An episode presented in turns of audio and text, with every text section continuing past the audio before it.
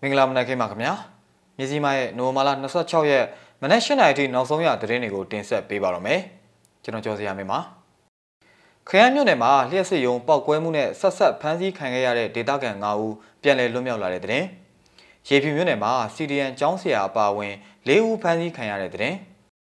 ဝမ်နင်းမြို့နယ်မှာစစ်ကောင်စီတပ်ဖွဲ့ကပြည်သူတို့ရဲ့နေအိမ်ကိုဝင်ရောက်ဖျက်ဆီးပြီးချိတ်ပိတ်သွားတဲ့တဲ့နဲ့ ထိုင်ဝမ်ကိုနိုင်ငံပေါင်း130နဲ့အတူဒီမိုကရေစီထိပ်သီးဆွေးနွေးပွဲတက်ရောက်ဖို့ဘိုင်ဒန်ဖိတ်ကြားခဲ့တဲ့တဲ့အစရှိတဲ့ပြည်တွင်းနဲ့နိုင်ငံတကာသတင်းတွေကိုတင်ဆက်ပေးသွားတော့မှာဖြစ်ပါတယ်။ပထမဆုံးသတင်းတစ်ပုဒ်အနေနဲ့ခရမ်းမြို့နယ်မှာလျှက်စစ်ရုံပောက်ကွဲမှုနဲ့ဆက်ဆက်ဖမ်းဆီးခံခဲ့ရတဲ့ဒေသခံ9ဦးပြန်လည်လွတ်မြောက်လာတဲ့သတင်းကိုတင်ဆက်ပေးပါမယ်။ရန်ကုန်တိုင်းခရမ်းမြို့နယ်ပိန်းကန်ရွာလျှက်စစ်ရုံဘုံကွဲမှုနဲ့ဆက်ဆက်ပြီးစစ်ကောင်စီကဖမ်းဆီးသွားတဲ့ပိန်းကန်ရွာသား9ဦးပြန်လည်လွတ်မြောက်လာပြီဖြစ်တယ်လို့ ဒေသခံတွေကပြောပါတယ်။ပိန်းကန်ရွာကိုနိုဝင်ဘာလ16ရက်နေ့မှာစစ်ကောင်စီကမိဖြတ်ခဲ့ပြီးတော့နိုဝင်ဘာလ20ရက်ညပိုင်းမှာပိန်းကန်ရွာရဲစခန်းနဲ့ပိန်းကန်မီတာယုံဖောက်ခွဲခံခဲ့ရတာဖြစ်ပါတယ်။အဲဒီလိုပောက်ကွဲမှုတွေကြောင့်ပိန်းကန်ရွာသား9ဦးကိုနိုဝင်ဘာလ22ရက်နနက်2နာရီမိနစ်30ကစစ်ကောင်စီကလာရောက်ဖမ်းဆီးပြီး23ရက်ညမှာပြန်လှုပ်ပေးခဲ့တာဖြစ်ပါတယ်။ပြီးခဲ့တဲ့နိုဝင်ဘာလ24ရက်နေ့ကလည်းခရမ်းမြို့နယ်ဒေးပေါက်ကျေးရွာရွှေဘိုကျေးရွာဆွဲတော်ကင်းကျေးရွာ ဂွေးပင်ချောင်ကျေးရွာဆက်စုကျေးရွာနဲ့မင်းဝဲကျေးရွာတွေကိုစစ်ကောင်စီကမီးတွေဖျက်တောက်ခဲ့တယ်လို့ဒေသခံတွေထံကနေသိရပါဗျ။ရေပြည်မြို့နယ်မှာစီဒီအန်ကျောင်းဆရာအပါအဝင်၄ဦးဖမ်းဆီးခံခဲ့ရတဲ့တဲ့တင်ကိုဆက်ပြီးတင်ဆက်ပေးပါမယ်။ တဝဲခရိုင်ရေပြူမြို့နယ်နုဖူလေဒေတာထိန်ကြီးကျေးရွာမှာနိုဝင်ဘာလ24ရက်နေ့က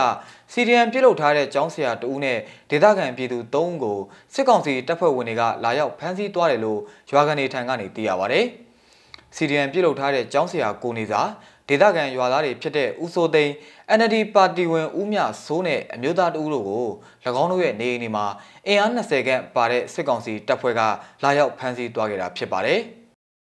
သူတို့ကိုညဘက်မှာလာဖမ်းသွားတာသူတို့ကရွာမှာအေးအေးဆေးဆေးနေတဲ့သူတွေပါလို့ထိန်ကြီးရွာကန်တူကပြောပါတယ်။ဒါ့အပြင်ကံပေါက်ဒေတာမှာတက်ဆွဲထားတဲ့စစ်ကောင်စီတပ်ဖွဲ့ဝင်အများပြားဟာလည်းအဲ့ဒီနေ့ညနေ9နာရီခန့်မှာနုဘူးလေဒေတာကိုပြောင်းရွှေ့လာခဲ့တယ်လို့ဒေတာကနေထံကနေသိရပါဗျ။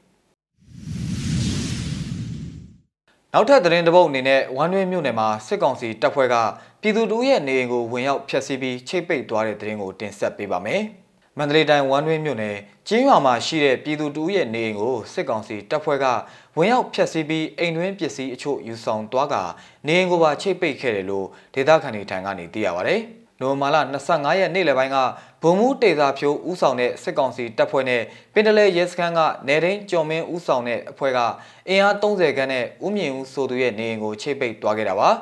PDF တွေနဲ့ဆက်တွယ်နေရလို့ဆွဆွဲပြီး အဲ့လိုဖမ်းဆီးသွားခြင်းဖြစ်တယ်လို့ဒေသခံတွေကမှတ်ချက်ပြုထားကြပါတယ်ဦးမြင့်ဦးကရွာမှာအေးဆေးနေသူပါအရင်ကတော့ဆန္ဒပြတာတွေမှာပါဘူးတာပေါ့သူကတော့ရှောင်တိန်နေတာကြာပြီအဲ့ဒါကိုဘုံမှုတေစာဖြိုးနဲ့နေထင်းကျော်မင်းဦးတို့အဖွဲ့ကအင်ကိုလာဝိုင်းပြီးအိမ်ထဲမှာတွေ့တာဖျက်ဆီးပြီးလိုချင်တာယူသွားတယ်အိမ်ကိုလည်းချိတ်ပိတ်သွားတယ်လို့ဒေသခံတို့ကပြောပါတယ်စစ်ကောင်စီတပ်ဖွဲ့ဟာကျင်းရွာမှာရှိတဲ့အမျိုးသားဒီမိုကရေစီအဖွဲ့ချုပ်ရုံးကိုလည်းလာရောက်ဖောက်ခွဲဖျက်ဆီးခြင်းတွေလှုပ်ဆောင်ခဲ့မှုတယ်လို့သိရပါတယ်ခင်ဗျာ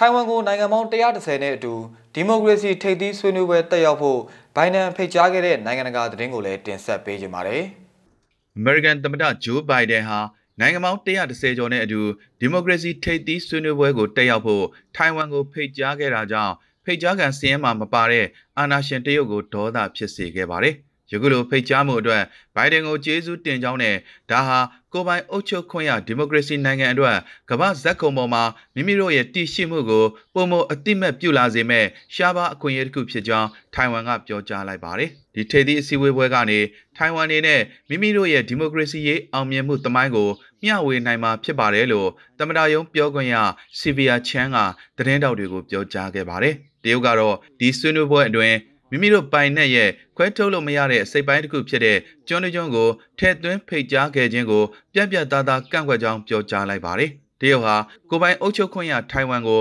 ၎င်းရဲ့ပိုင်တဲ့အဖြစ်တနေ့မှလိုအပ်ရင်အင်အားသုံးသိမ်းပိုက်သွားမှာဖြစ်ကြောင်းကြုံဝါထားပါတယ်။အဆိုပါကမ္ဘာလုံးဆိုင်ရာညီလာခံဟာဒီမိုကရေစီနိုင်ငံတွေနဲ့တပ်ဦးစံပိုင်အစိုးရများကြားကအားပြိုင်မှုကိုနိုင်ငံခြားရေးမူဝါဒရဲ့ဗဟိုချက်မှာထားရှိကင်တွယ်သွားမယ်ဆိုတဲ့အမေရိကန်သမ္မတဂျိုးဘိုင်ဒန်ရဲ့မဲဆွယ်ပွဲကတိကဝတ်တစ်ခုလည်းဖြစ်ပါတယ်။ ဒီမိုကရေစီအတွက်ထိပ်သီးအစည်းအဝေးကိုယခုနှစ်ဒီဇင်ဘာလ9ရက်နဲ့10ရက်တို့မှာအွန်လိုင်းကနေကျင်းပသွားမှာဖြစ်ပြီးလာမယ့်နှစ်ဒုတိယအကြိမ်အစည်းအဝေးကိုတော့လူကိုယ်တိုင်တွေ့ဆုံဆွေးနွေးပွဲအဖြစ်ကျင်းပသွားဖို့ရည်မှန်းထားပါတယ်။အစည်းအဝေးတက်မှတ်ရက်ကိုအကျဉ်းအတော်ကြာကလေးကကြေညာထားခဲ့ပေမဲ့ဖိတ်ကြားမဲ့ဧည့်သည်စည်းရင်းကိုတော့နိုင်ငံခြားရေးဌာန website မှာအင်္ဂါနေ့ကမှထုတ်ပြန်ခဲ့ပြီးအနီးကပ်ထပ်မံစီစစ်သွားမှာဖြစ်ပါတယ်။ အော်စရာကောင်းတဲ့အချက်ကရင်းအစည်းအဝေးကိုတက်ရောက်ဖို့ဖိတ်ကြားခံရတဲ့နိုင်ငံစည်းရင်းမှာအမေရိကန်ရဲ့အဓိကပြိုင်ဘက်ဖြစ်တဲ့တရုတ်နဲ့ရုရှားတို့မပါဝင်ခဲ့ပါဘူး။ဒီမိုကရေစီထိပ်သီးဆွေးနွေးပွဲမှာထိုင်ဝမ်ကိုတက်ရောက်ဖို့အမေရိကန်ရဲ့ဖိတ်ကြားမှုကိုတရုတ်နိုင်ငံကပြက်ပြက်သားသားကန့်ကွက်ပါတယ်။ကမ္ဘာပေါ်မှာ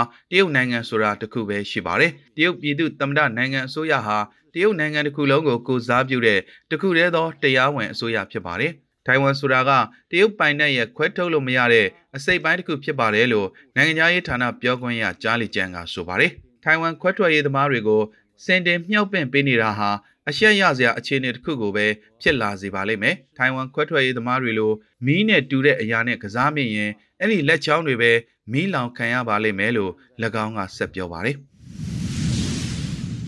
မြစည်းမရဲ့နိုဝင်ဘာလ26ရက်မနက်၈နာရီထိနောက်ဆုံးရသတင်းတွေကိုတင်ဆက်ပေးခဲ့တာပါ မြန်မာပြည်သူပြည်သားပေါင်းဘေးရန်ရဲ့အမျိုးမျိုးကနေကင်းဝေးကြပါစေခင်ဗျာ